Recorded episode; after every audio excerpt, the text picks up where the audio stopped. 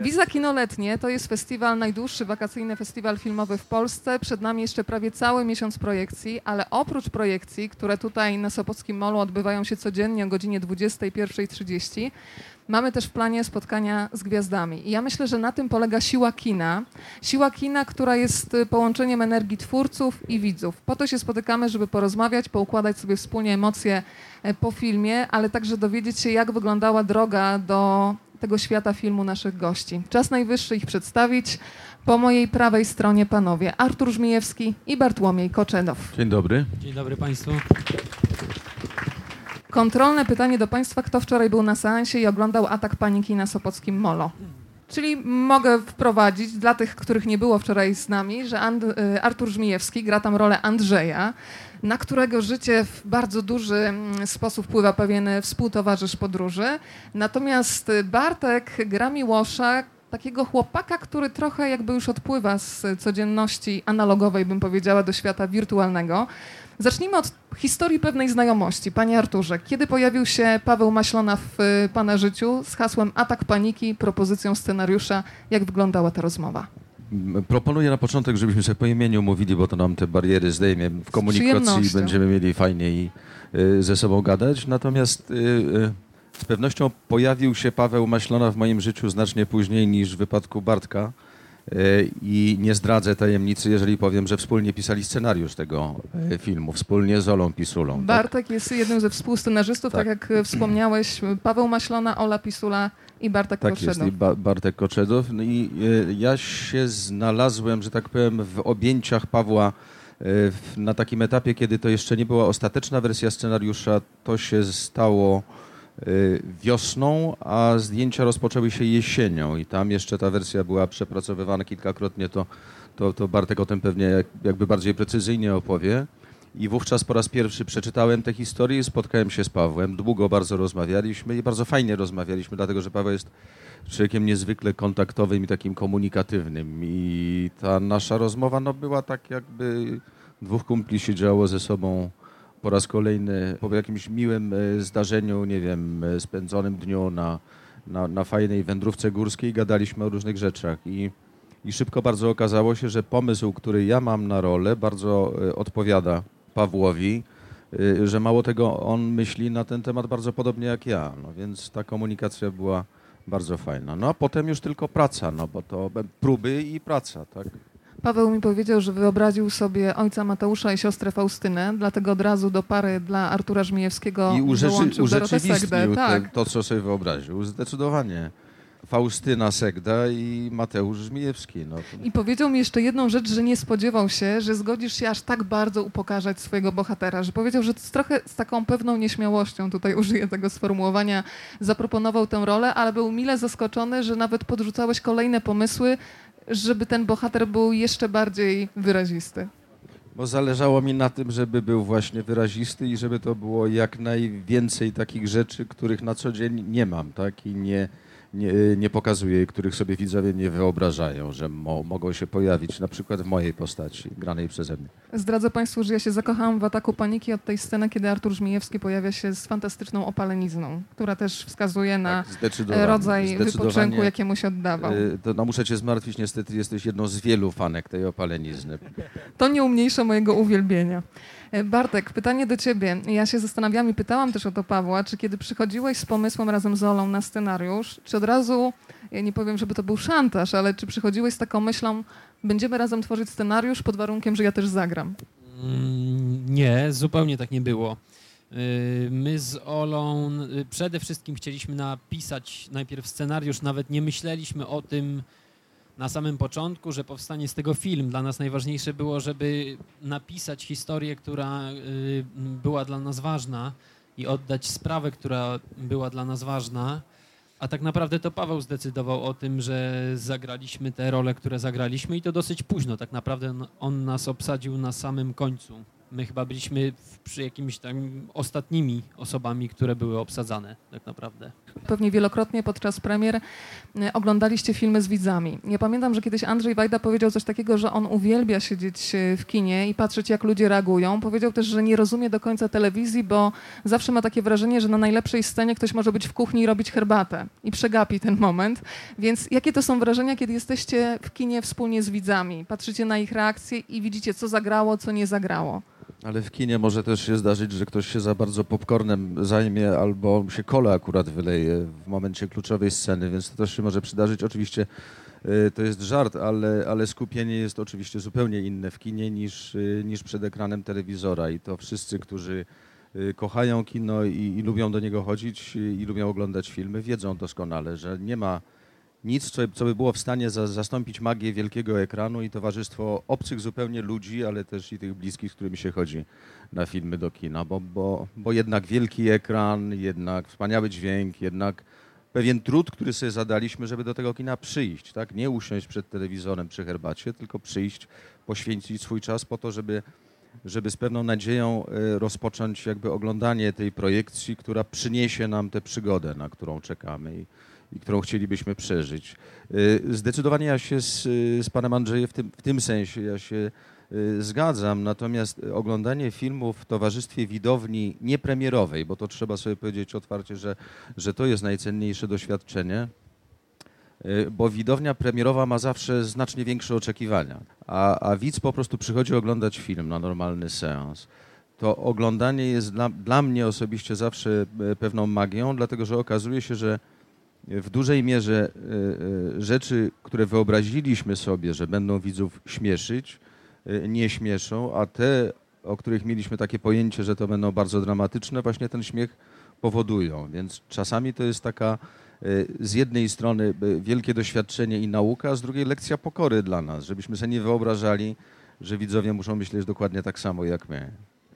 Padło hasło lekcje pokory. E, Paweł Maślona powiedział mi kiedyś, że on bardzo współczuje aktorom. Uważa, że to jest najtrudniejszy zawód świata, bo rozmawialiśmy o tych momentach, o tych pierwszych atakach paniki, kiedy się kończy szkołę teatralną, przychodzi się na castingi i cały czas jest się ocenianym, a jeszcze nie jest się przyzwyczajonym do tego, że ktoś cały czas poddaje wątpliwość e, naszą przydatność e, do tego zawodu. Więc zapytam jeszcze Bartek ciebie, kiedy zaczyna się, kiedy wychodzisz ze szkoły, przychodzisz na castingi, te pierwsze ataki paniki, kiedy się zdarzają? I, I, czy zdarza się też taki moment, kiedy człowiek zaczyna wątpić, y, czy naprawdę to jest dobry kierunek, który wybrał? Jedną z naszych motywacji, dla, mm, dla których pisaliśmy, zaczęliśmy pisać scenariusz do Ataku Paniki, mieliśmy też przy okazji tego projektu jeszcze inne pomysły na spektakle i tak dalej, z Olą Pisulą, z którą byłem na, na tym samym roku w szkole teatralnej. Właśnie był taki strach przed tym, że w, być może nie będziemy zatrudniani jako aktorzy, i w, a jeżeli będziemy, to nie będzie to na miarę naszych oczekiwań i marzeń, bo bardzo często tak nie jest. Rzadko kiedy się tak zdarza, że jakoś y, w, urzeczywistnia się ten sen y, studenta aktorstwa i trafia tam, gdzie mu się marzyło, że, że trafi do takiego teatru albo dostanie taką rolę w filmie czy w telewizji nawet, która byłaby spełnieniem marzeń od razu, więc my baliśmy się tak naprawdę tego, będąc już na roku dyplomowym, że nie będziemy mieli szansy wyrażać tego, co w nas jest, tak naprawdę spełniać tej potrzeby twórczej.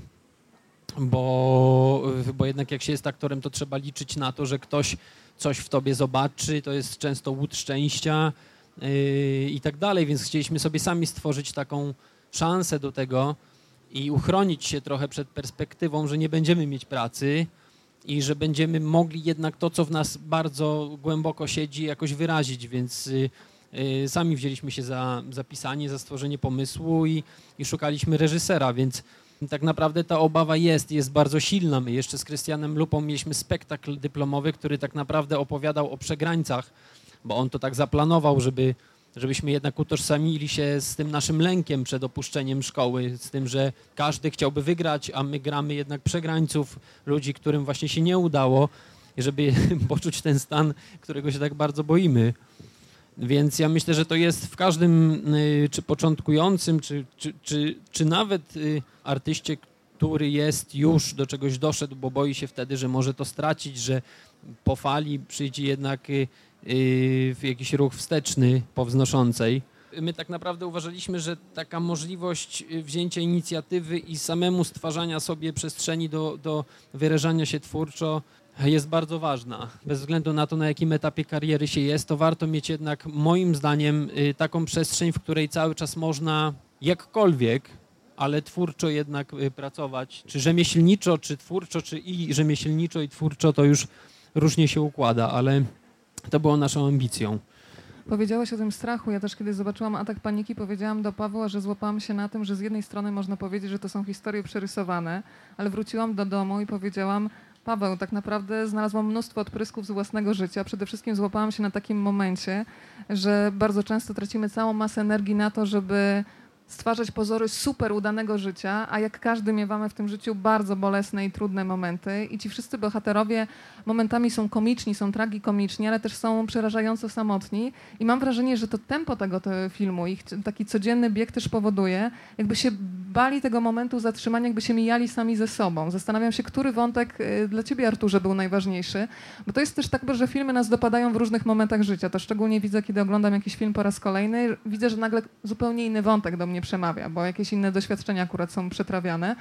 Więc y, dla ciebie najbardziej o czym opowiadał Atak w paniki? Dla mnie to była właśnie taka opowieść o ludziach, którzy mijają się sami ze sobą i boją się tego momentu konfrontacji, chwili zatrzymania, czasu na refleksję to będę słabym dyskutantem, dlatego że pozwolę się zgodzić z Tobą y, ze wszystkim, co powiedziałaś. Dla mnie też ten film właśnie o tym opowiada, o tej samotności i, i o tym niezrozumieniu wzajemnym tych ludzi, którzy są niby ze sobą albo bardzo blisko, pozornie ze sobą są, a wcale tak nie jest. Te relacje rodzinne, które funkcjonują w, w zderzeniu matki z synem, ten wątek Bartka tak, i Hai, który opowiada po prostu rzecz tak dramatyczną, ale tak z drugiej strony na czasie tak współczesną, tak? bo widzimy wkoło siebie takich ludzi, którzy w tym świecie wirtualnym się zamykają, nie rozumieją, że jest gdzieś inny kompletnie świat, który jest prawdziwy do którego warto wracać, bo mnie się, mnie się zawsze będzie wydawało, może zabrzmie jak jakiś straszny wapniak, ale niezależnie od postępu technologii czy technik komunikacyjnych, fantastycznie, że mamy maila, że mamy messengera, mamy wszystkie komunikatory, że mamy y, y, taką łatwość komunikacji y, ze światem, że możemy być 11, 15, 20 tysięcy kilometrów od domu i komunikować się w czasie właściwie rzeczywistym e, poprzez różne Skype'y i tym podobne e, komunikatory. Natomiast nic nigdy nie zastąpi takiego kontaktu z żywym człowiekiem i rozmowy z żywym człowiekiem, spojrzenia w oczy głęboko i poczucia jakby zrozumienia emocji. Bo człowiek zawsze przy takim bezpośrednim kontakcie widzi i więcej wie niż wtedy, kiedy rozmawia przez telefon albo po prostu pisze maile czy SMS. Ja uwielbiam też rolę Magdaleny Popławskiej, gdzie ona gra taką twardą kobietę do końca, świadomą też swojej nerwicy, ale sobie przypomniałam takie słowa, że te zimne kobiety potem najbardziej gorąco płaczą w poduszkę i to też jest bardzo mocno widoczne w tym filmie. Chciałabym, żeby Państwo dowiedzieli się trochę też tego, jak wyglądała kuchnia filmowa. Wejdźmy na chwilę do Twojego mieszkania, Miłoszu. Teraz się zwrócę do Ciebie jako do Twojego bohatera e, filmowego. Wiem, że to mieszkanie, które wynajmowaliście ze zwierzętami, miało też podobno żółwia. E, dlaczego żółw się ostatecznie nie znalazł w obsadzie tego filmu? Bo wiem, że były psy, były koty, a swoją drogą gra na ekranie ze zwierzętami to jest chyba zawsze wyzwanie. Jejku, ja pamiętam, że Paweł Maślona mówił o tym żółwiu i że to było coś śmiesznego, ale ja naprawdę nie pamiętam, o co tam chodziło z tym żółwiem. Niedostatecznie szybki był po prostu i dlatego. Tak, chyba tak. Ale właśnie y, Paweł strasznie narzekał yy, na tą pracę ze zwierzętami. On jest bardzo też yy, zdeterminowany i skupiony, a też y, byliśmy pod presją czasu, bo mieliśmy mało dni zdjęciowych, też y, nieduży budżet więc wszystko musiało być wcześniej zaplanowane i bardzo skoncentrowane i tak naprawdę Paweł narzekał, że zwierzęta, zwierzęta y, tresowane w zasadzie według niego niewiele różnią się od y, y, nietresowanych i strasznie ubolewał nad tym, że trzeba było się namęczyć tak z tymi zwierzakami, a potem jednak z dzieckiem, bo dzieci też są bardzo trudne, szczególnie tak małe jak u nas w filmie na planie, bo, bo nie można nad nimi zapanować, też nie można ich terroryzować i wymagać od nich. Yy, ale o co chodziło z żółwiem, nie mam pojęcia. Podobno nie chciał współpracować z psami, ale widzisz, podobno. Musimy zweryfikować z Pawłem. Teraz bym chciała, cały czas jesteśmy w tej kuchni filmowej. Arturze, żebyś powiedział, jak tak naprawdę wyglądał ten samolot. My w hali mieliśmy wybudowany kadłub samolotu i tylko kierunki kamery zmieniały punkt widzenia, a y, ludzie przesiadali się z czwartego rzędu do piętnastego i odwrotnie. I dzięki temu budowaliśmy całą tę y, przestrzeń. Y, y, natomiast przypominam sobie, że jak zaczęliśmy moment turbulencji próbować, jak zaczęliśmy grać, jak się przygotowywaliśmy do, do tego ujęcia, wszystko perfekcyjnie ustalone, już ruchy kamery, wszystkie punkty jakby e, pozapinane na ostatnie guziki. Ruszyła się taka pochylnia, która tam miała te drgania kamery wspomagać, żeby to wyglądało wiarygodnie. I w tym momencie zaczęły wszystkie te luki bagażowe opadać, bo się okazało, że są za słabo umocowane i trwało to dobrą godzinę, zanim to wszystko zostało naprawione, więc takich przygód mieliśmy tam trochę przy tej okazji.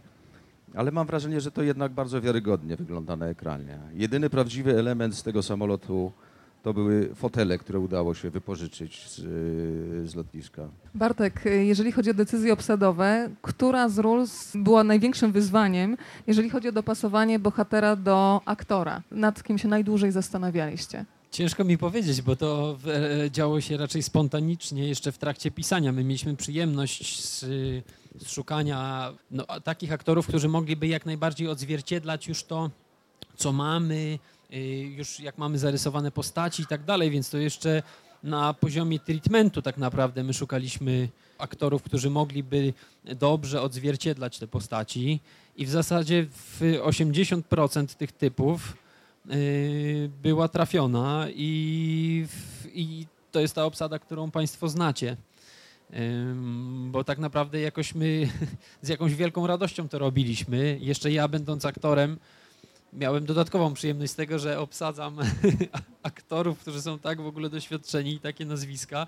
Ja sobie wyobrażam, jak, jakie to musi być dla reżyserów przyjemne i albo dla reżyserów obsady znaleźć takiego aktora, który jak najlepiej odda E, tę postać.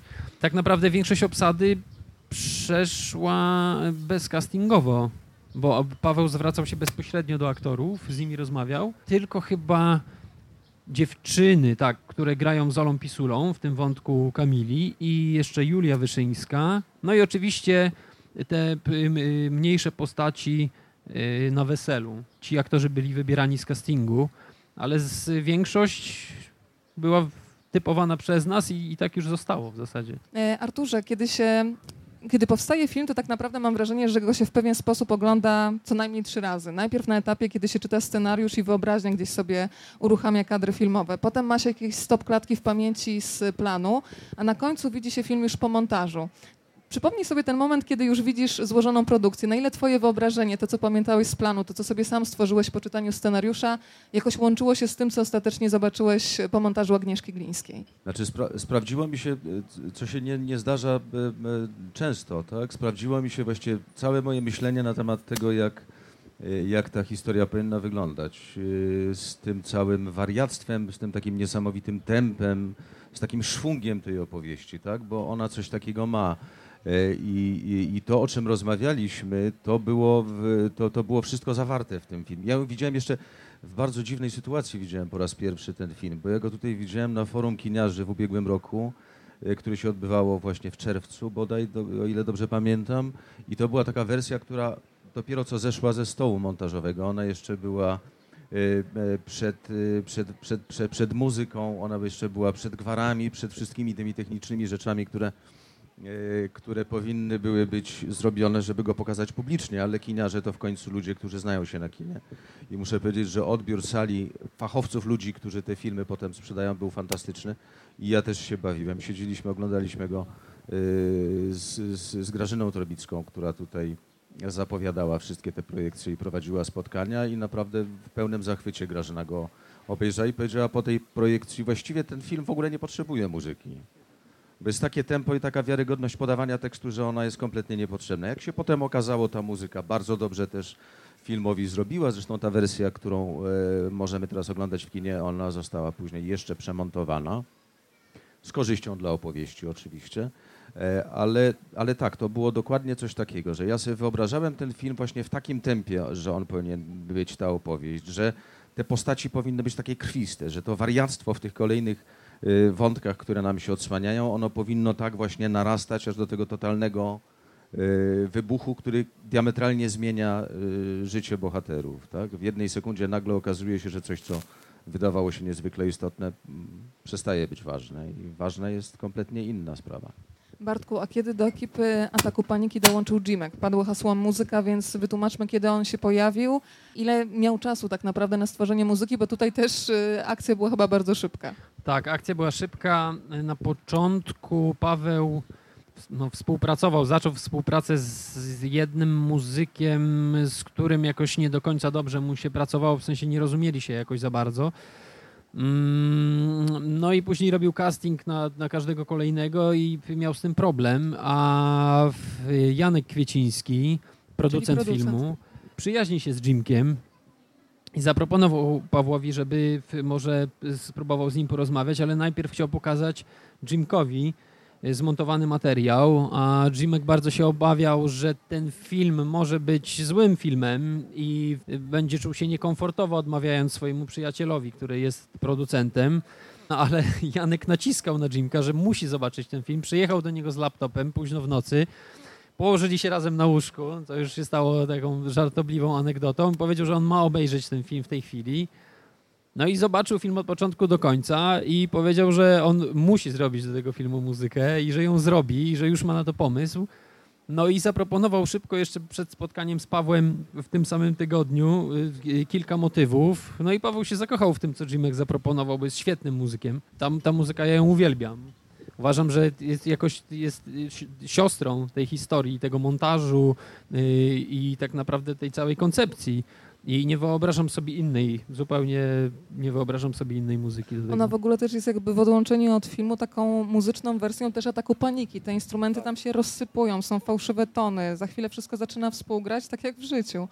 E, Arturze, Ola powiedziała coś takiego, że Paweł pozwala aktorom jazzować, czyli pozwala na improwizację. Zastanawiam się, ile e, z tekstów, które się pojawiły w filmie, powstało spontanicznie. Czasami jest tak, że niektóre nawet teksty wchodzą potem najpierw do języka codziennego ekipy, która tworzy film, potem do języka codziennego widzów. Czy były takie teksty, które stworzyliście spontanicznie podczas y, tworzenia filmu? Wiesz, że takich konkretów przyznaję szczerze nie pamiętam, bo wrażenie, jakie odnieśliśmy po czytaniu scenariusza, i to nie jest kwestia jakby pierwszej, drugiej czy ostatniej wersji, tylko kiedy spotkaliśmy się przy próbach, bo spotykaliśmy się co najmniej kilkanaście razy przed zdjęciami z Dorotą i z Andrzejem Konopką y, i, y, i spotykaliśmy się jakby układając sobie te sceny. Okazało się, że y, wbrew temu, czego ja się na początku przez moment obawiałem, jak sobie uświadomiłem, że to jest film gadany w ogromnej mierze, właściwie w całości. Jak się nad tym głębiej zastanowić po, po, po obejrzeniu takiego filmu, to on się dzieje we wnętrzach. Tam właściwie nie ma plenerów, to jest wszystko bardzo zamknięta zamknięta struktura, taka, e, w której ci bohaterowie mówią dużo. Jest, y, jest bardzo, bardzo, bardzo wartko się to wszystko dzieje. Sceny, które realizowaliśmy, e, które trwały po, po 4-5 minut. No takich rzeczy się nie robi. Tak się robi w teatrze telewizji mm. ewentualnie. Nie robi się tego w kinie, nie robi się takich długich scen, nie pisze się takich długich dialogów. Ale okazało się, że jak zaczęliśmy te dialogi wypowiadać, to one brzmiały bardzo prawdziwie. To było najpierw zdziwienie, a potem zachwyt nad tym, że nie trzeba niczego poprawiać, że nie trzeba tego ulepszać w jakiś y, sposób, y, który często to robimy, wówczas kiedy okazuje się, że tych emocji nie da się przekazać poprzez słowa, albo że być może wcale nie trzeba słowami tych emocji przekazywać, tylko wystarczy pomilczeć w odpowiedni sposób. Y, więc ja przyznaję szczerze, ja sobie tutaj nie przypominam takich rzeczy, dlatego i to no to też pod waszym adresem jest y, komplement. Mam, mam wrażenie, że po prostu napisaliście fajny scenariusz z dobrymi dialogami. Dziękuję. Pojawiło się też hasło próby. To wcale nie jest oczywiste, o czym ja jako laik nie do końca wiedziałam, że nie każdy aktor ma taki komfort, żeby wejść na plan i tak naprawdę przejść przez próby. Z własnych doświadczeń i jakichś obserwacji wiedzieliśmy, że to jest bardzo ważne o ile w teatrze ma się szansę próbować bardzo długo, zanim się y, zrobi spektakl i, i, go, i go pokaże, zresztą spektakle też się rozwijają, aktorzy się rozwijają też w, y, w trakcie tych spektakli. Tak y, w filmie ma się bardzo mało czasu na planie, więc w, w przypadku jeszcze tak napisanego scenariusza i takich postaci i dialogów i tego, że tempo jest y, wartkie, to trzeba było to wypróbować dużo wcześniej i żeby nie, nie robić tego w trakcie zdjęć. Yy, niestety często się tak zdarza. Yy, a my dodatkowo mieliśmy mały budżet, mało czasu, dużo wątków i trzeba było to bardzo dobrze przygotować wcześniej i też mieliśmy szansę, nie, nie wiem czy tak było we wszystkich epizodach, wiem, że tak było w moim, że mieliśmy szansę na planie jeszcze przed zdjęciami z operatorem przejść pozycję Y, w których będziemy kręcić. I to dla mnie był pierwszy raz coś takiego przeżyłem i uważam, że to jest super i że tak się powinno robić, jeżeli jest na, na to jakaś możliwość, bo od razu też wiem i wyobrażam sobie, w jakim ustawieniu kamery będę grać, więc wcześniej mogę się do tego przygotować i odpowiednio jakoś y, dostosować do tego swoją grę aktorską, więc to był ogromny komfort i bardzo dobrze, że się tak stało. No, czy ten komfort wynikał z dyskomfortu, właśnie z tego, że mieliśmy mało y, y, czasu, mało pieniędzy i żeby to wszystko spiąć do kupy, to trzeba było się bardzo dobrze przygotować i też koncepcję operatorską, scenograficzną i tak dalej, i tak dalej, więc te próby były tutaj nieodzowne. Pojawiło się hasło operator. Arturze, powiedziałeś mi wczoraj, że e, bardzo ciekawa jest na przykład relacja, znaczy zawsze to jest bardzo ciekawa i chyba najbliższa relacja pomiędzy operatorem i reżyserem.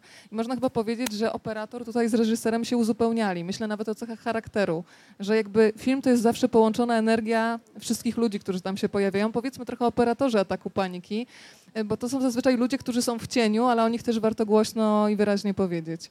Tak, są w cieniu, choć y, właściwie wszystko zależy od nich tak naprawdę, bo jeżeli nie ma dobrego obrazu, to nie ma dobrego filmu. No, trudno sobie wyobrazić wybitny film ze złymi zdjęciami. To po prostu jest niemożliwe. Natomiast y, Czarek Stolecki tutaj zrobił fantastyczną robotę, a y, a z Pawłem się fenomenalnie uzupełniali, dlatego że y, jak, jakbyś w ogóle jakby zestawić, jakby Państwo zobaczyli y, y, Czarka i Pawła obok siebie, to są dwa kompletnie różne światy.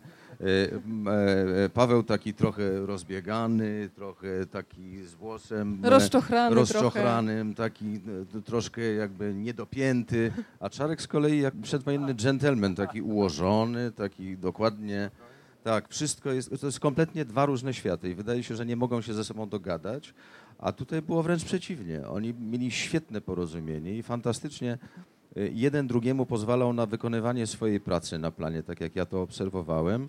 Komunikowali się właściwie pozawerbalnie, ale pewnie też dlatego, że mieli to bardzo dobrze obgadane na tym etapie przed, y, przedzdjęciowym, e, przed rozpoczęciem tego najważniejszego etapu w sumie, y, choć różne są zdania. Niektórzy twierdzą, że okres przygotowawczy jest najważniejszy, a jednak wydaje mi się, że z perspektywy jednak najważniejszy jest okres zdjęciowy, bo to, to potem zostaje na ekranie. Przygotowania są ogromnie ważne, ale okres zdjęciowy decyduje ostatecznie o tym, jaki będzie kształt filmu. I montażownia może temu pomóc albo zaszkodzić, natomiast y, to, czego nie zrobiliśmy w filmie na zdjęciach, nie zostanie w tym filmie i tego nie będzie. I tego możemy żałować. Natomiast y, ten świat, zresztą mam wrażenie w ogóle, że było przy tym filmie e, takie porozumienie wszystkich. Był taki rodzaj energii. E, może to wynikało właśnie z tego, o czym Bartek e, kilka razy powiedział w trakcie tej rozmowy, że, że czasu było niewiele, że budżet nie za wielki, a wszyscy chcieli zrobić fajny film. Że te światy się gdzieś tam pospotykały tak, że wszystkie przeciwieństwa zaczęły się przyciągać nagle, a jak się odpychały, to też z pożytkiem dla tego filmu coś fantastycznego było. Taki dobry splot gwiazd. Ten scenariusz to jest efekt współpracy trzech osób. Wspomniana Ola Pisula to jest ta aktorka, która wciela się w postać kobiety, która no, w pewien sposób sprzedaje swoje ciało przez internet siedzącego obok mnie Bartka. No i oczywiście Pawła. I zastanawiam się, Bartek, jak się pracuje w takim trójkącie w pewnym sensie, bo każdy jednak ma trochę inny sposób narracji, ekspresji, każdy ma też jakieś ego, nawet jakby bardzo to ego chował gdzieś do kieszeni podczas pracy. Czy ktoś miał decydujący, znaczy no ktoś musiał mieć decydujący głos, bo, e, bo może być jeden kapitan, ale czy było jakieś takie ścieranie się? Bo kiedy się pracuje w trójkę, to wbrew pozorom niby jest fajna burza mózgów, ale to też jest bardzo duże pole do konfliktów. Jak to wyglądało u was? My już na początku współpracy z Pawłem określiliśmy, że on ma decydujące zdanie na temat tego, co wchodzi do scenariusza, co nie, no bo on będzie reżyserem e, i on będzie robić ten film, tym bardziej, że to, to jest jego debiut więc to było bardzo ważne. Ale jednocześnie też zaznaczyliśmy Pawłowi, że w, chcemy to robić wszyscy razem i on jakoś y, chyba dobrze rozumiał tę zasadę głębokiej demokracji w tym, w tym wypadku. Pomimo tego, że była hierarchia, to jednak mieliśmy dużo swobody, tak jakoś koleżeńsko to się wszystko wydarzało i też y, y, uważam, że było dużo dystansu do siebie w tej pracy. Zawsze jest tak, że gdzieś się tam przekracza te granice, ktoś się czuje odrzucony z jakimś pomysłem, tym bardziej, że my spędziliśmy nad tym dużo czasu i spotykaliśmy się bardzo często, więc tych pomysłów też było bardzo dużo, bo, bo pragnienie zrealizowania tego marzenia było ogromne.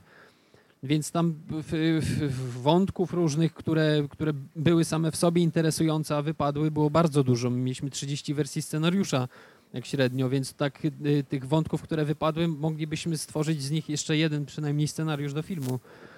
Mm, więc zawsze ktoś był w jakimś stopniu, można powiedzieć, pokrzywdzony, ale wiedzieliśmy, że to jest konieczny proces do tego, żeby powstała jakaś historia. Poza tym, jeżeli mój wątek nie wchodził, czy Oli, czy Pawła, to wchodził potem kogoś innego, który to jakoś rekompensował. Jednak dla nas ważne było, żeby powstał scenariusz, a, a nie to, żeby walczyć o każdy swój pomysł. A później wymienialiśmy się tak naprawdę tymi historiami, bo treatment pisaliśmy razem, a później każdy z nas wybierał sobie y, y, konkretny epizod, nad którym pracował, przynosił go y, do konsultacji w grupie, wydawaliśmy sobie uwagi, wymienialiśmy się, pisaliśmy i tak dalej. Później już tak naprawdę, kiedy Paweł nas obsadził, to każdy z nas dostał swój wątek do rozpisywania. Na końcu pojawiły się konflikty, kiedy tak naprawdę już po dostaniu dofinansowania Paweł wpadł na pomysł, że jednak trzeba by było zmienić trochę strukturę i, i jej chronologię.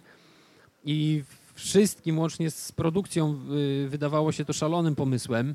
Ja się bardzo tego bałem, yy, bo, bo pomysł był bardzo radykalny, zresztą to widać Y, jak ktoś oglądał film, że jednak jest zaburzona chronologia, w pewnym momencie te historie się zaczynają ze sobą łączyć i trzeba to wszystko jakoś do siebie dopasować, ale to tworzy genialny kontekst. Dzięki temu te sceny, które się pojawiają, komentują siebie nawzajem i tworzą coś bardzo ciekawego, co wisi w powietrzu, jakąś taką chmurę znaczeniową.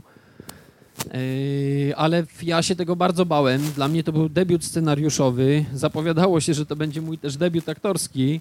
Więc tak naprawdę wtedy pojawiły się lęki. To był debiut reżyserski też Pawła. Ale był taki moment, że powiedziałeś, ja się pod tym nie podpiszę? Ja powiedziałem, że nie, nie powiedziałem, że się nie podpiszę. Powiedziałem, że ja, my pracowaliśmy szczególnie już w tym ostatnim okresie bardzo intensywnie. Tak naprawdę ja dorabiałem sobie na boku gdzieś tak na szybko, żeby móc wracać i pisać dalej z Pawłem i Izolą, więc yy, my siedzieliśmy tak naprawdę od rana do nocy, tylko piliśmy yy, hektolitry kawy, paliliśmy papierosy i wymyślaliśmy nowe historie i to dochodziło już do szaleństwa. I tak naprawdę wtedy się pojawiały jakieś kryzysy nerwowe, jakieś takie między nami yy, napięcia, bo wszystko, co się pojawiało, było ciągle nie to, ciągle nie, nie, dość, nie, nie dość dobre i tak dalej. Zaczęliśmy odlatywać już w jakąś krainę szaleństwa. Więc ja już byłem totalnie wyczerpany i bałem się, że ten pomysł, on jeszcze w filmie wielowątkowym jest tak, że trzeba, kiedy zmieni się jedną, jeden wątek, trzeba Cała dopasować całą, sypie, całą tak. resztę, tak. zrewidować i sprawdzać, Wygląda czy na to, że Paweł chciał wywołać atak paniki u was I, i tak się stało. Zresztą każdy z nas w jakimś, w jak, na jakimś etapie tej pracy go doświadczył tam w ogóle ambulans przyjeżdżał. Były takie, były takie sytuacje, bo my naprawdę wpadaliśmy w trans z pracą nad tym filmem. No i już w tym ostatnim etapie ja uznałem, że tego nie wytrzymam po prostu, że dla mnie też będzie za dużo te zmiany, jeszcze mamy mało czasu, jeżeli przepadną te pieniądze z instytutu, jak my teraz zaczniemy to zmieniać i się okaże, że to jest do, do niczego, to będzie jakaś katastrofa zupełna. A Paweł już postawił wabank i powiedział, że jeżeli nie uda się tego zrobić tak, jak mu to przyszło do głowy, to tego filmu nie będzie. I my wszyscy byliśmy przerażeni tym, że te trzy lata naszej pracy w tamtym czasie pójdą do śmieci. Więc y, tak naprawdę było y, dwa do jednego. Ja byłem tym niewiernym Tomaszem i powiedziałem, że ja w, w, rozumiem, że czuję, że jest jakaś logika w tym szaleństwie y, tego pomysłu, ale ja już nie dam rady, że ja już odpadam z tego, ja nie wiem jak to zrobić i że zostawiam to im. I na pewien czas, to był jakiś okres tam dwóch czy trzech miesięcy, odsunąłem się od tej pracy i dopiero potem z dystansem mogłem do niej wrócić. No a potem jeszcze jak zobaczyłem film zmontowany, ze strachem przyszedłem zobaczyć tę pierwszą układkę, no to zrozumiałem, że maślone stać na, na naprawdę dużo, na więcej niż się spodziewałem i bardzo mnie to przyjemnie zaskoczyło. To teraz moment, y, chwila prawdy Artura, bo Ola też mi powiedziała szczerze, że zdarzają się takie sytuacje, niekoniecznie w przypadku tego filmu, ale w przypadku różnych produkcji, że aktorzy może się do tego nie przyznają, ale noszą w sobie czasami taki żal, dlaczego on wyciął tą scenę, przecież to było tak dobrze zagrane. Czy były takie momenty, kiedy tak po prostu po ludzku pomyślałeś, przecież to było takie dobre, dlaczego ktoś mnie wyciął z tej produkcji? E, tu z tego materiału, akurat z naszego wątku, y, nie zniknęło zbyt wiele. Tam jakieś pojedyncze fragmenty y, scen, znaczy właściwie dialogi, to były raczej korekty w dialogach. Trudno powiedzieć, żeby tam z tych wątków coś wielkiego poznikało, bo tak, tak nie było, ale zawsze tak jest. I to z żalem, y, ale trzeba te decyzje podejmować, a musi je podejmować reżyser. My nie możemy mieć na to wpływu, bo to trochę jest tak, jak Bartek już o tym powiedział. E, e, I tak jak ty powiedziałaś, ktoś musi być kapitanem i ktoś zawsze wie lepiej i wie więcej. Tak? Różnica pomiędzy pracą aktora a reżysera jest zasadnicza. Aktor e, działa tylko w ramach swojego wątku i swojej postaci i on powinien jakby ten wątek kontrolować. Nie zajmuje się tym, co się dzieje w różnych innych momentach tej produkcji, czy w wypadku innych e, ról tak, granych przez kolegów, bo to każdy jest odpowiedzialny za swój kawałek roboty. Natomiast reżyser te wszystkie e, niteczki musi gdzieś tam składać. To Maciek Prus kiedyś powiedział coś takiego wiele lat temu, jak, ja, ja byłem jeszcze studentem, on był naszym profesorem w Warszawskiej Szkole Teatralnej, powiedział, że według jego definicji dobry reżyser to jest taki reżyser, który Y, wyczuwa moment, w którym aktor na temat granej przez siebie postaci, tylko na temat granej przez siebie postaci wie trochę więcej niż on i wtedy należy go wypuścić. Należy dać mu pracować, kontrolując jedynie, żeby te wątki wszystkie składały się w tych emocjach, które e, poszczególni koledzy e, proponują.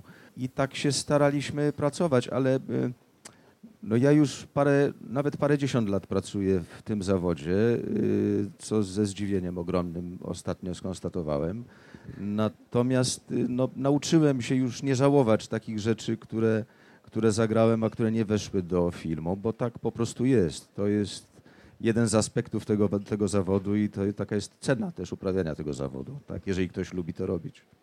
Bartek, a czy pomysł na to, żeby pisać scenariusze nie wynika trochę właśnie z takiego niedosytu aktorskiego, w tym sensie, że aktor jednak musi się wpisać w czyjąś wizję, a tutaj robisz krok y, dalej, czyli jesteś w stanie wykreować świat, zagrać sam niekoniecznie, ale też wyobrazić sobie coś, co potem się materializuje na ekranie. Potem może będzie reżyseria, zresztą już chyba będzie. Mogę to mogę upublicznić, czy nie? Boże. Dawaj, bo to jest coś, czego ja nie wiem. No wspominałeś, że ty tam do czegoś się przygotowujesz, no to ten mój A, tak, tak, ja, język, ja pracuję, tak? tak? powiedziałem, że pracuję teraz nad swoim scenariuszem, to znaczy, że piszę sam yy, do pełnometrażowej fabuły. Yy, bez, nie powiedziałem ci tego, bez zamiaru tak. reżyserowania tego, to ja tej dopytam teraz, historii, głośno i wyraźnie, to... czy ta reżyseria nie jest gdzieś taki jeszcze ten kolejny jest, krok? Jest, jest, tak, no oczywiście to bardzo kusi, bo faktycznie jak jesteś aktorem, to jednak ktoś zaprasza cię do swojej wypowiedzi i uczestniczysz w czyjejś wizji, to może być też twoja wypowiedź i super, jak tak jest, jak to się właśnie tak zgadza. Ale jednak my, w, kiedy piszesz, masz już sam na, w, wpływ y, tak naprawdę na ten świat, sam go kreujesz i, i, i za niego odpowiadasz, ale nad tobą jest reżyser.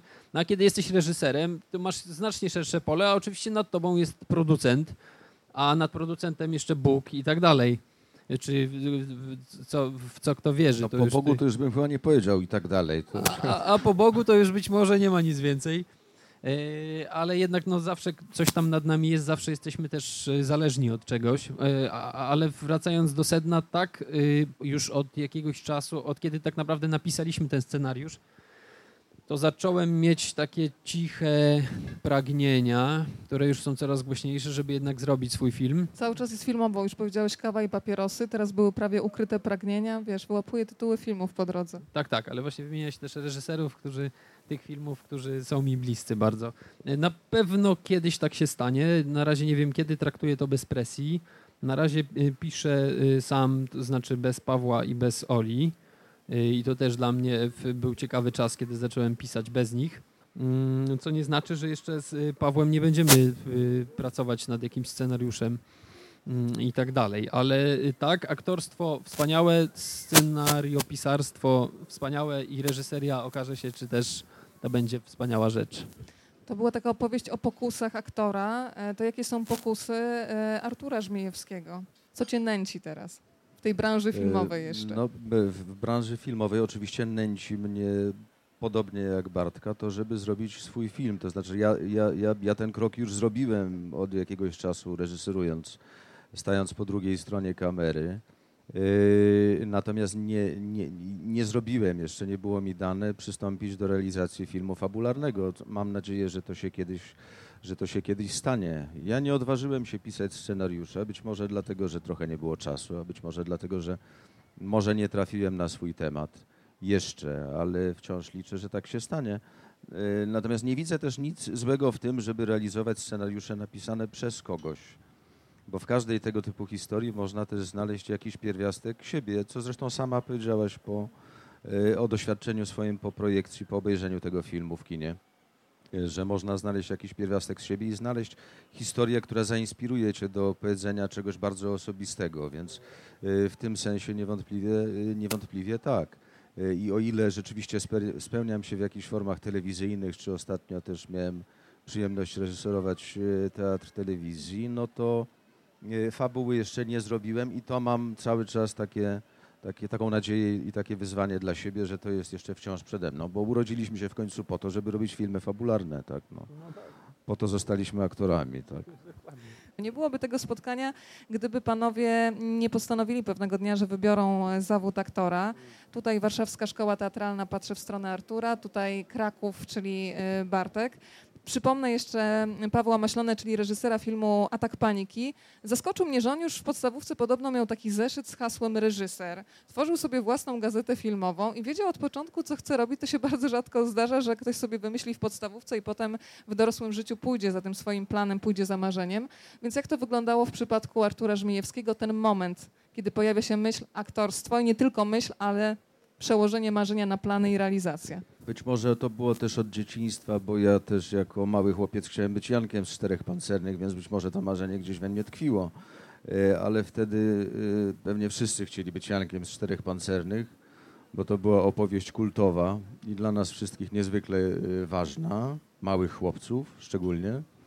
Yy, natomiast nie, nie, nie, nie. U mnie to się nie pojawiło tak yy, szybko. U mnie to się pojawiło po prostu w pewnym momencie, yy, kiedy na etapie szkoły średniej zacząłem uczestniczyć w takich spotkaniach, potem w jakichś konkursach recytatorskich, potem mieliśmy kapelę i, no, i różne takie rzeczy się działy gdzieś tam po drodze. Po drodze też były przygotowania do matury. No i kiedyś jak padło takie pytanie, panie, tylko nie pamiętam, to wychowawczyni chyba nas pytała, w szkole średniej, kto, kto kim będzie, kto jakie ma plany na przyszłość. Ja powiedziałem, że będę aktorem. Pani wówczas powiedziała, no tak, tu była taka jedna, też się nie dostała. E, więc zmotywowała mnie tym bardziej. Natomiast e, jak to się stało, ja w pewnym momencie po prostu uświadomiłem sobie, że to jest to, co mnie kręci. Tak? Bo przez długie lata myślałem, że będę prawnikiem, ale okazało się, że dużo bardziej kręci mnie to, żeby stanąć przed widzami na scenie, opowiedzieć jakiś Y, fragment y, tekstu, opowiedzieć coś o sobie, jakby tę magię tej, tej, tej, tej, tej łączności, tak? tej łączności między widzem a aktorem, kiedy on wychodzi na scenę, czy kiedy potem, o, już jak potem w trakcie jakby trwania mojej pracy zawodowej okazywało się, że, że, to, że to, że widzowie mogą się na przykład y, gromko śmiać w trakcie projekcji filmu, albo że zapada cisza nagle, taka jakiej się nie spodziewałeś i te emocje, które w tobie się wtedy odzywają. To jest fantastyczne. Tak? Ta komunikacja jakby z ludźmi. Komunikacja z ludźmi na takim bardzo podstawowym poziomie, w którym najważniejsze są emocje, nie wymyślenie, yy, nie jakieś naukowe historie, tylko emocje. Rozmawiałam tutaj niedawno z panem Jerzym Bończakiem i powiedział mi, że oczywiście jest w stanie odtworzyć sobie swój pierwszy klaps filmowy w pamięci i przypomina sobie poziom nerwów, ale zaskoczył mnie tym, że powiedział, że z wiekiem jest jeszcze gorzej, że on do tej pory nie oduczył się, znaczy nie tego się nie da oduczyć, ale że cały czas przed nowym projektem czuje po prostu ścisk żołądka, są nerwy, czy faktycznie wraz z doświadczeniem człowiek, nie wiem, czuje może większą odpowiedzialność? Jak to w twoim przypadku, Arturze, wygląda? To chyba jest dobrze powiedziane, większa odpowiedzialność, bo jeżeli już zrobiło się coś i udało się stanąć na pewnym poziomie tego, e, tego naszego zawodowego świata, no to e, i to nie, to nie chodzi o to, to nie chodzi o to, że, że nie chcemy spaść, tylko to chodzi o to, żeby nie zawieść, tak? nie zawieść oczekiwań w stosunku do siebie nie tylko widzów, ale i swoich własnych. Bo e, stara zasada, stara jak świat, jeżeli się człowiek nie rozwija, nie idzie do przodu, to znaczy, że się cofa. Czyli z każdym kolejnym projektem ch chce się być lepszym, ale nigdy nie ma, nigdy nie ma takiej pewności, że się będzie lepszym, tak? Tylko ludzie bez wyobraźni mogą sobie, mogą sobie myśleć, że coś, co zrobili, jest najgenialniejsze na świecie. Ale to niestety przychodzi taka weryfikacja, bo każdy z nas, tak jak profesor Łapicki zwykł był mawiać, każdy z nas jest genialny przed lustrem w łazience. Ale potem przychodzi na próbę, spotyka się z kolegą aktorem, który ma kompletnie inną wizję swojej postaci czy sceny, którą będziemy wspólnie y, tworzyć, będziemy grali tę scenę, tak?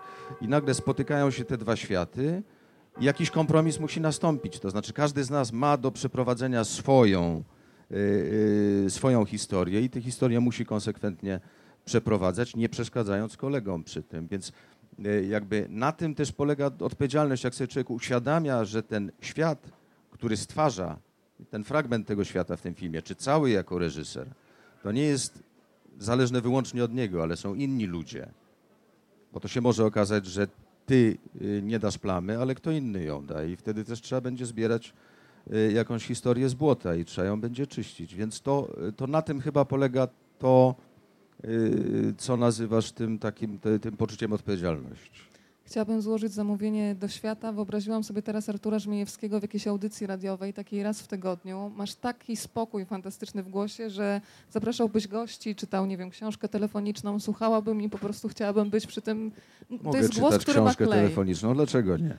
Jednak gości i rozmowy, ale audycja radiowa dla Artura Żmijewskiego. Mam nadzieję, że Państwo też będą lobbować w tej sprawie. Są uśmiechy, więc y, teraz trzeba tylko znaleźć. Jest aplauz. Audycja radiowa gdzie będzie gospodarzem Artur Żmijewski. To jeszcze pytanie to samo do ciebie, Bartek, czyli ten moment, kiedy zdałeś sobie sprawę aktorstwo. Wiele dzieciaków mówi, chce być aktorem, jak się ma 6-7 lat, no i nie, niewielu realizuje ten plan. E, jeszcze jak byłem w podstawówce, to chyba miałem wtedy z 9 lat. Pamiętam, że zacząłem grać w takich teatrzykach szkolnych i bardzo mi się to podobało, ale później jakoś chyba do właśnie to już to potrwało dosyć krótko, a do szkoły, w szkole średniej na nowo pojawił się temat aktorstwa. Pamiętam, że do, y, byłem w klasie humanistycznej i właśnie nasza wychowawczyni szukała aktorów, którzy by mogli w tym teatrze szkolnym grać. Ale ja poszedłem na próbę, jakoś patrzyłem na to, co się tam dzieje, nie do końca czułem, że, żebym chciał coś takiego robić. Ale niedługo później do klasy przyszedł taki człowiek, który był w ogóle z teatru amatorskiego w mieście, w którym się wychowywałem, w Stargardzie i powiedział, że szuka osób, y, które by chciały w tym teatrze grać i żeby przyszły na takie przesłuchanie. No i z ciekawości poszedłem tam zobaczyć, co tam się wyrabia.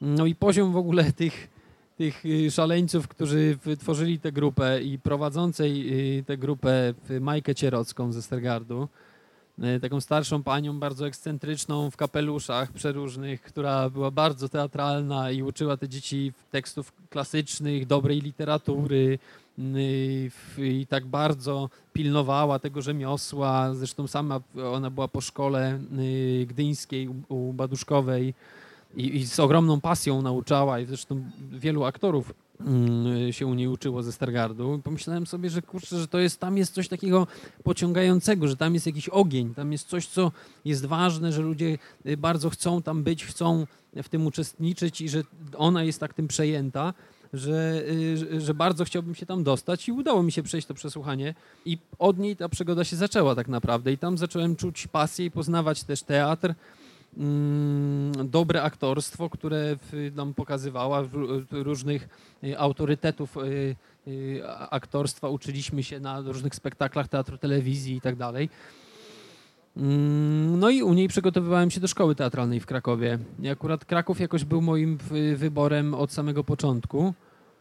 No i w Krakowie się znalazłem i, i pamiętam, że w Krakowie też zwątpiłem w aktorstwo. Nie przez Kraków, tylko w ogóle jakoś w szkole teatralnej, w, znaczy w, właśnie to są te oczekiwania, że miałem ogromne oczekiwania i jakieś takie poczucie misji y, w aktorstwie jeszcze przed szkołą, a kiedy trafiłem do szkoły, gdzie myślałem, że to będzie właśnie szkoła artystów, poetów, którzy siedzą po nocach i tworzą i robią i, i, i tak jak w tych wszystkich opowieściach, jakichś chyba zamierzchłych, teraz mi się wydaje o szkole teatralnej legendach, że tam właśnie wszyscy siedzą, że, te, że, że, że tam jest taka y, kuźnia twórczości i talentów, to ja raczej tego nie widziałem w swojej szkole. Dla mnie to było dużym rozczarowaniem, że, że to jest takie no wszyscy kończą zajęcia, czekają aż się skończą, idą do domu i że to takie jakieś było yy, nie do końca. I wtedy jakoś czułem też tak, że, że to jakoś nie wygląda tak, jak sobie wyobrażałem, więc yy, szukałem jakichś właśnie własnych sposobów tworzenia jakichś własnych grup poza szkołą i, i do jakichś teatrów takich amatorskich jeszcze w Krakowie i tak dalej, i tak dalej. I tak naprawdę chyba na, na nowo poczułem, że chcę być aktorem, jak zaczęliśmy pisać scenariusz. I, i, I też tak w tym własnym gronie rozmawialiśmy o aktorstwie, y, o filmie, o sztuce w ogóle, y, że poczułem, że ja chcę to na nowo robić. Akurat wtedy już bardzo nie chciałem być aktorem, ale na nowo poczułem, jak się spotkałem z Alą i z Pawłem w pracy wspólnej, że to ma ogromny sens i tak samo jak pisaniem można przekazać ludziom swój sen jakiś na temat rzeczywistości, jakieś swoje y, poczucie siebie w tej rzeczywistości, jak ja ją odbieram. Tak samo przez aktorstwo można to robić. Myślę, że przez inne media. Jeżeli się tak o tym myśli, to to jest fajne, kiedy nagle widzę, że to trafia do innych ludzi i w poseansie przychodzą, dzielą się swoimi wrażeniami, utożsamiają się z tym, mówią, że też coś takiego przechodzą, albo ktoś z ich bliskich to przechodzi, to myślę sobie, że to ma ogromny sens i że to faktycznie twórczość może zmieniać rzeczywistość i wpływać na ludzi, że te, te drobne zmiany, choćby to było kilka osób, ale jak widzę, jak są tym poruszeni, to myślę sobie, że to ma ogromny sens i, i warto to robić. Między innymi dlatego. Drodzy Państwo, obiecałam, więc wywiązuję się z obietnicy. Oddaję mikrofon w Państwa ręce. Poproszę podnieść rękę, ja biegnę z mikrofonem i cieszymy się dalej z tego spotkania. Bardzo proszę. Po pierwsze chciałbym e, zdecydowanie pogratulować e, bardzo danego filmu. I chciałbym się zapytać, czy na pewnym etapie produkcji tego filmu e, nie, nie padło takie określenie polskie dzikie historie.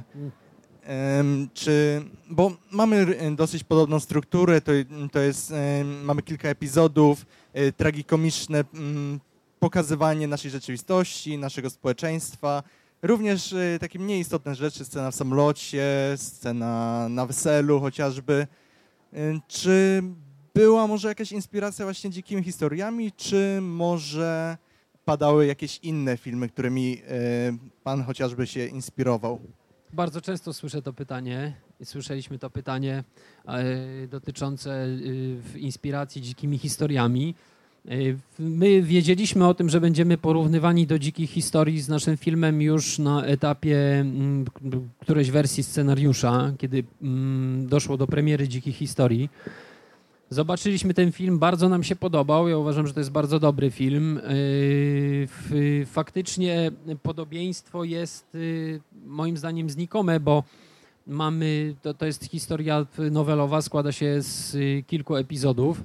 Tak naprawdę pod, podobieństwo jest jeszcze chyba w dwóch historiach. Historia w samolocie i historia na weselu, to znaczy chodzi tylko o to, że my mamy samolot, oni mieli samolot tak samo z weselem, bo, te epizody są o czymś zupełnie innym niż w dzikich historiach. Temat jest zupełnie inny, jeżeli chodzi o cały film, niż w dzikich historiach a struktura akurat jest zupełnie inna niż w dzikich historiach, dlatego że tam y, te nowele y, są y, linearnie poprowadzone i oglądamy początek i koniec, wtedy zaczyna się następna.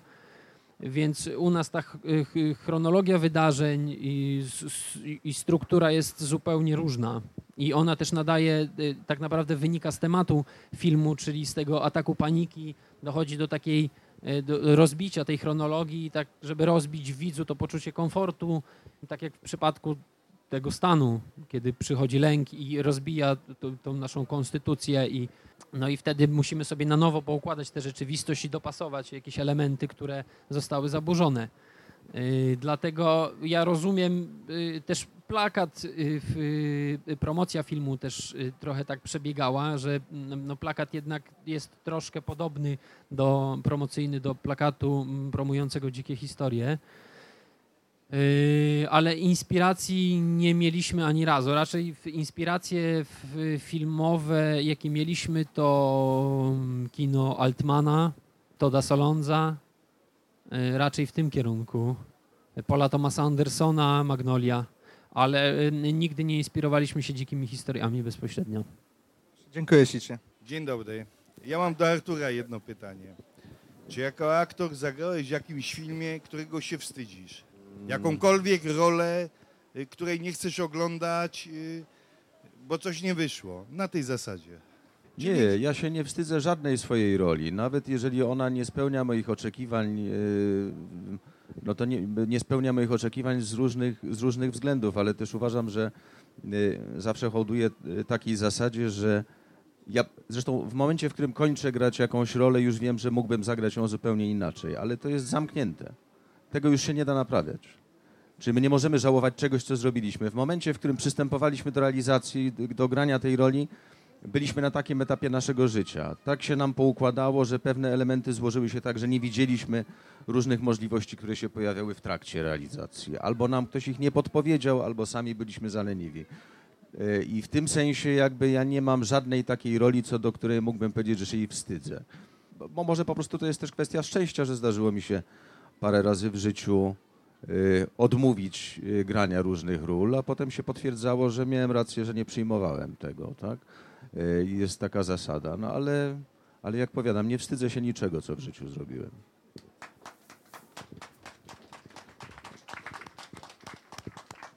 Atak paniki w centrum zainteresowania, ale też cały czas ułatwiam drogę, że można zadawać pytania dotyczące ogólnie zawodu aktora, bo zdaję sobie sprawę z tego, że nie wszyscy wczoraj byli na Sopockim Molo, więc jeżeli jest jakieś pytanie, które jeszcze siedzi gdzieś tam w środku w głowie, to proszę się nie obawiać i po prostu je wypowiedzieć na głos. Bartek, w jakim stopniu jesteś miłoszem w realu?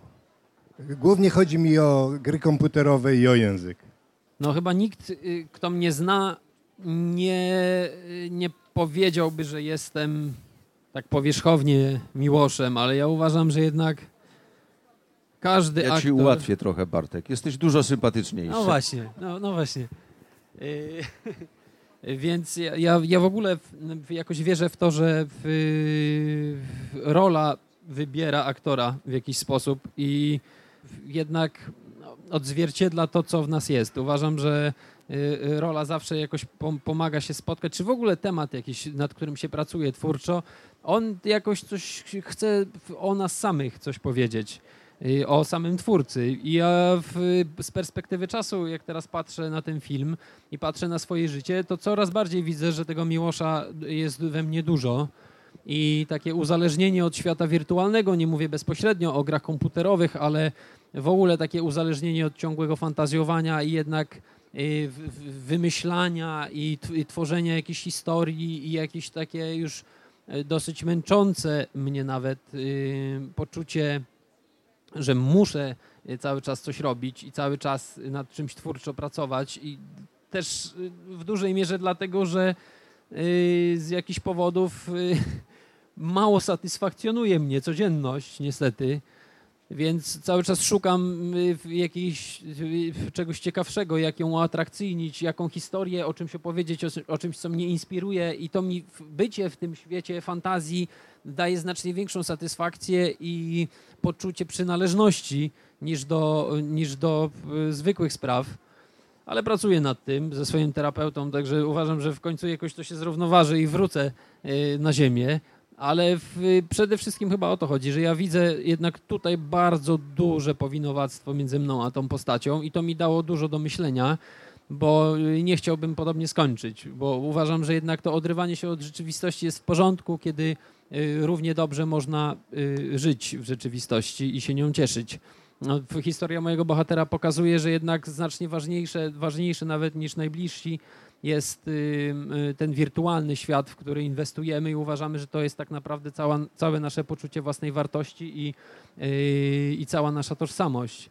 Ale jednak rzeczywistość jest o wiele obszerniejsza i zawsze uderzy tak z której strony i dojdzie do tego kryzysu, żeby nam pokazać, co jest priorytetowe i co jest najważniejsze. I myślę, że y, może formalnie nie, ale jednak esencjonalnie jestem bardzo podobny do tego bohatera.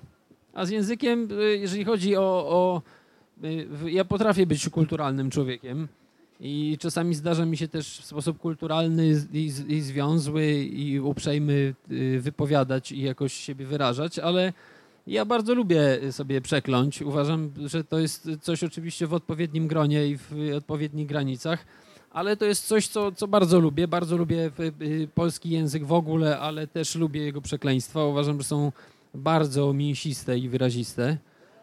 I no, są żywe reakcje, widać na to. Nie jestem w tym sam. Ale tak, y, lubię ten język bardzo. Mówię o wulgaryzmach, tak, lubię wulgaryzmy, tylko uważam, że ich trzeba umiejętnie używać. Słyszałem historię o Kazimierzu Kucu, który bardzo, który bardzo lubi y, przekleństwa i też właśnie od Małgosi Hajewskiej słyszałem historię o tym, w jaki sposób on przeklina i robi to namiętnie i cały czas. Z y, dużym wdziękiem przeklina. No właśnie. Z ogromnym wdziękiem. I o to chodzi. Uważam, że w, tym potrafi być ogromny potencjał, jeżeli się dobrze y, ujarzmi ducha wulgaryzmów. Skoro mówimy o wulgaryzmach, to ja ostatnio odkryłam słowo portugalskie, które znaczeniowo jest kompletnie neutralne, bo oznacza panią menadżer, ale brzmi aży sztora. No i czy to nie jest zamiennik taki, wiesz, kiedy nie możesz rzucić tak zwanym mięsem po polsku, mówisz aży sztora z ekspresją i też y, jest. Drodzy Państwo, ktoś jeszcze miałby ochotę zadać pytanie? Artur, dwa pytania. Czyli ty już y, na stałe mieszkasz w Sopocie, bo ciągle cię widzę chyba na Sopot Film, dwa teatry, w zeszłym roku. Lubię to miasto i bywam tutaj rzeczywiście w ostatnim czasie bardzo. I dobrze się czujesz, często. tak? Bardzo dobrze się tu czuję, tak, Dobra, tak, bo to jest świetne miejsce. Zapraszamy jeszcze więcej. I drugie pytanie yy, dla aktora. I, bo wyobrażam sobie, że jest łatwiej grać yy, postać pozytywną. Ty mówiłeś, że odmówiłeś kilka ról, nie wiem dlaczego, ale no na przykład księdza Mateusza, czy tam yy, Kościuszkę yy, w lekcjach polskiego i szereg innych, a no jakbyś miał zagrać rolę jakąś zdecydowanie jakiegoś pedofila, czy jakiegoś Hitlera, czy coś innego. Czy to jest, na pewno jest to wielkie wyzwanie dla aktora. Pan zostanie scenarzystą za chwilę. czy to jest trudne, czy jest równie łatwe jak pozytywne postacie? Wbrew pozorom... To znaczy jedno i drugie jest trudne, ale... Znaczy jest trudne inaczej, powiedzmy sobie szczerze, natomiast y, y, zło ma znacznie więcej atrakcyjnych twarzy, bo na, bo na, ile sposobów można zagrać dobrego człowieka, no ile razy i jakich uśmiechów można y, użyć, czy jakichś dobrych słów. Natomiast zło jest znacznie bardziej kolorowe i jak w ogóle życie pokazuje, ono jest dużo bardziej atrakcyjne dla, dla większości ludzi na świecie, bo gdyby tak nie było, to tego zła by na tym świecie nie było i nie byłoby różnych sytuacji kryzysowych, nie byłoby wojen, nie byłoby awantur domowych, przemocy domowej i, i wszelkich innych dewiacji, które się pojawiają, więc w tym sensie ono jest łatwiejsze do grania. Natomiast to zawsze jest kwestia pewnego wyważenia, bo y, niezależnie od tego, czy gra się złą czy dobrą postać, można przesadzić. Y, w tym nadmiarze dobroci albo w nadmiarze zła. I wtedy to będzie powodować nie przerażenie albo uśmiech na twarzy widza, tylko będzie powodować niesmak na twarzy widza. I to jest bardzo cienka granica, którą można przekroczyć zarówno w jednym, jak i w drugim wypadku. Bartku, mam takie pytanie dla osoby, która tak bardzo była zaangażowana w film.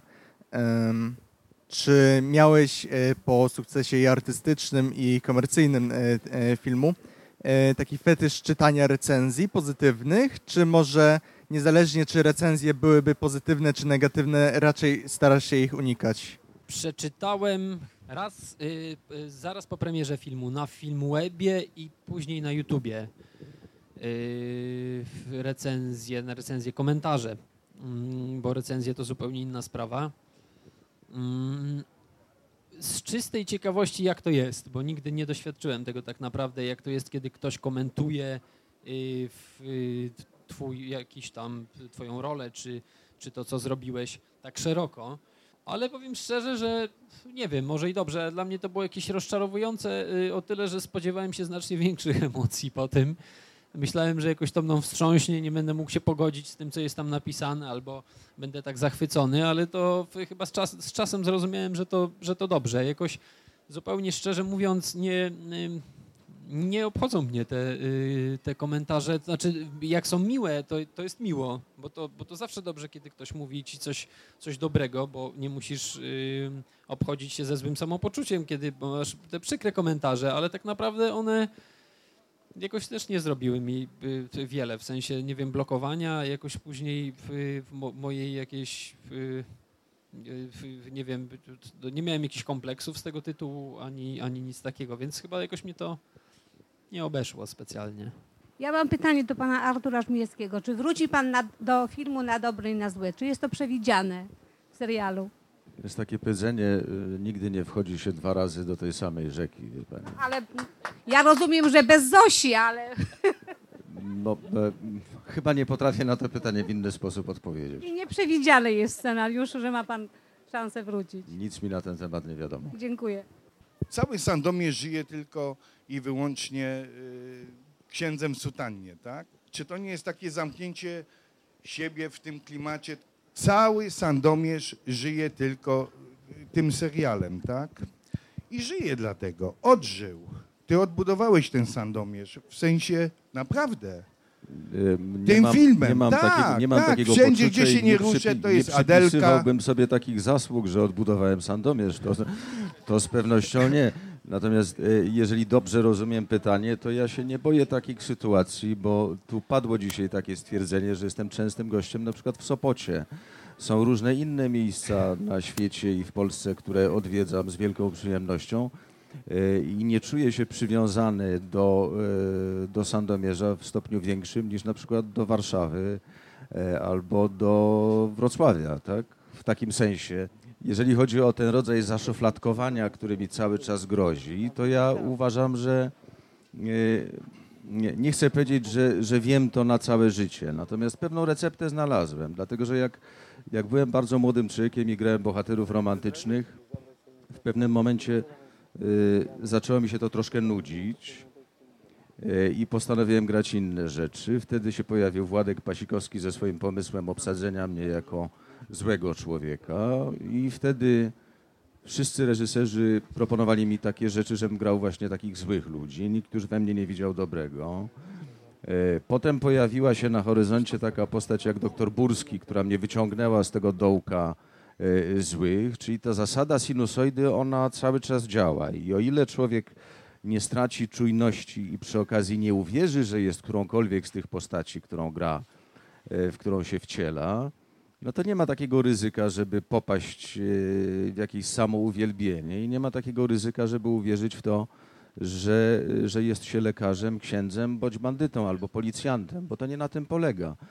Ten zawód polega na tym, żeby grywać rzeczy najbardziej różnorodne. Zresztą pretekst e, tego dzisiejszego spotkania, pretekstem jest mój udział w filmie Pawła Maślony Atak Paniki. Więc my nie spotykamy się tutaj z powodów e, sandomierskich czy jakichkolwiek e, innych. To jest nasz zawód. Natomiast e, epizod sandomierski, nazwijmy go tak, w moim życiu zawodowym jest o tyle e, silnie oddziałujący, że przy najlepszych frekwencjach film fabularny może w kinie obejrzeć, no powiedzmy, ile? Milion ludzi? No dobra, milion ludzi, powiedzmy milion ludzi niech obejrzy w kinie, tak? Co się oczywiście nie zdarza a taki epizod telewizyjny co tydzień ogląda kilka milionów ludzi. Więc to jest jakby skala. Przedstawienie teatralne ogląda jednorazowo kilkaset osób, czyli w perspektywie grania go przez kilka lat obejrzy je kilkadziesiąt tysięcy, może sto tysięcy, a taki serial ogląda kilka milionów ludzi co tydzień. I w tym sensie to jest jakby siła oddziaływania tego medium, jakim jest telewizja ludzie nie przychodzą do mnie. Nie, oczywiście, że nie przychodzą do mnie. Ludzie przychodzą do ojca Mateusza. No. Ja zawsze mówię, że mogę wyspowiadać, owszem, wysłucham, ale spowiedź będzie nieważna, bo jestem niekonsekrowany. No to, co jest oczywiste. Dzisiaj Państwo wyspowiadali naszych aktorów. Jeżeli ktoś z Państwa chciałby wrócić do tego spotkania, to będzie taka szansa. Państwo wszyscy chyba mają telefony przy sobie, prawda? To proszę polubić dwa facebookowe profile, Wiza Kinoletnie i Rozmawiam, bo lubię. Tam będzie można wrócić do tego spotkania albo podzielić się tą rozmową z tymi, których dzisiaj z nami nie mogło być. Od razu powiem, że czekają nas jeszcze kolejne spotkania. 16 sierpnia będziemy w Giżycku. Tam będzie Robert y, Więckiewicz. Przedpremierowy pokaz filmu Jak pies z kotem. 23 sierpnia wracamy do Sopotu z gośćmi. Będzie tutaj Andrzej Pongowski, czyli fantastyczny grafik i plakacista, który tworzył m.in. dla Andrzeja Wajdy e, plakaty czy Romana Polańskiego. Będzie można zobaczyć, e, też e, zabrać ze sobą autograf i plakat, ale teraz już oddaję w Państwa ręce naszych dzisiejszych gości. Artur Żmijewski, Bartłomiej Koczedow. Pięknie dziękuję za spotkanie z dwoma wrażliwymi mężczyznami. I Paweł Adamski, czyli prezes Outdoor Cinema, jak zawsze ostatnie słowo. Ostatnie słowo, proszę Państwa, chciałem jeszcze zaprosić serdecznie. Dzisiaj udało nam się potwierdzić wyjątkowe spotkanie, które się odbędzie 11, 11 czyli za tydzień e, w My Story Sopot Apartments. To jest taki hotel, nowy butikowy hotel, który jest zaraz tutaj po, e, po prawej stronie od kortów tenisowych na ulicy Powstańców, gdzie puścimy, proszę Państwa, film e, Pociąg do Hollywood e, z Kasią Figurą. Będzie spotkanie z Kasią Figurą, ale to będzie wyjątkowa projekcja, dlatego że e, udało nam się pozyskać ten film odrestaurowany cyfrowo, po rekonstrukcji cyfrowej. No i nie muszę Państwu mówić, że Kasia wygląda wspaniale w tym filmie, na żywo też, a po rekonstrukcji cyfrowej jeszcze lepiej. Także chciałem Państwa serdecznie zaprosić na to spotkanie, na spotkanie również z Andrzejem Pongowskim, które będzie 23 tutaj e, w naszej kawiarni festiwalowej. A w tej chwili taka krótka chwila w Państwa, jeśli tak ładnie powiedziałaś, ręce, dłonie. Oddaję naszych, e, naszych e, aktorów, ale też i współscenarzystę. Chciałem bardzo podziękować e, Arturze za to, że nas odwiedziłeś na festiwalu. E, Ponownie ja chciałem przypomnieć, że Artur jest zdobywcą diamentowego klapsa filmowego, nagrody naszego festiwalu e, kilka lat temu. Nie mógł być na gali wręczenia w tym roku, kiedy Agnieszka Dygant otrzymywała w tym roku tą nagrodę. Bartek nas pierwszy raz odwiedził. Mam nadzieję, że Ci się podoba. Nie ma mikrofonu, także ja będę mówił, widzę, że Ci się podoba bardzo. E, A tu mamy, proszę Państwa, plakaty z ataku paniki. Plakaty, które mam nadzieję, że nasi e, bohaterowie dzisiejszego spotkania z przyjemnością dla Państwa podpiszą. Także chciałem bardzo serdecznie Państwu podziękować, zaprosić na e, nasze projekcje filmowe na Molo w Sopocie codziennie do końca wakacji, e, zarówno w Sopocie, jak i w Zakopanym. Może ktoś z Państwa jeszcze się wybiera e, w góry, do Zakopanego. I we wszystkie środy i czwartki wakacji jesteśmy również obecni w Giżycku z projekcjami filmowymi. Dziękuję jeszcze raz bardzo serdecznie i zapraszam do tutaj e, kilku pamiątkowych zdjęć czy podpisania plakatów w imieniu organizatorów. Dziękuję serdecznie.